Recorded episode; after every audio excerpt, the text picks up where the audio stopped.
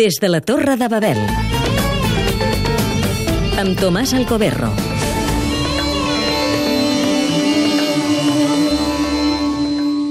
El comitè executiu de la Internacional Liberal es va reunir a Beirut, aquesta capital de l'Orient Mitjà, en plena eclosió de les ambigües, si no podrides, primaveres àrabs. La Fundació Llibertat i Democràcia va enviar el Jordi Xuclà, la Joaquim Alemany, a la Susana Rivero i el Pere Saló. Els catalans liberals ja tenen una tradició de llarga presència d'aquesta organització fundada després de la Segona Guerra Mundial de la que el seu primer president va ser l'espanyol republicà Salvador de Madariaga. Entre els seus primers militants més fervorosos hi havia el Carles Pissunyer i el Ramon Trias Fargas.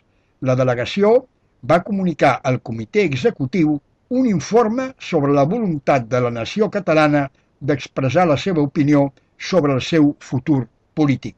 Avui en dia, els liberals governen a Holanda, a Estònia, són molt importants a Alemanya i Anglaterra i constitueixen el tercer grup més destacat al Parlament Europeu i al Consell Europeu. A l'Orient Àrab són una flor molt rara. A les seves sessions vaig conèixer alguns dirigents liberals d'Egipte i sobretot del Marroc, on una coalició de tres partits liberals planta encara a la força de l'islam polític extremista.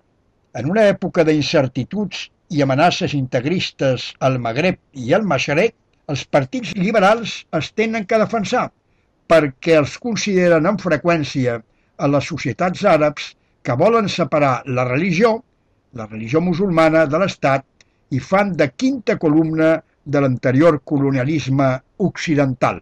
El nou president de la Internacional Liberal serà el Juli Minoves, exministre d'Afers Estrangers del Principat d'Andorra. Per primera vegada a la seva història, un polític de parla catalana serà el cap d'aquest moviment que arriba fins i tot a alguns països de l'Àsia i de l'Àfrica. Des de la Torre de Babel.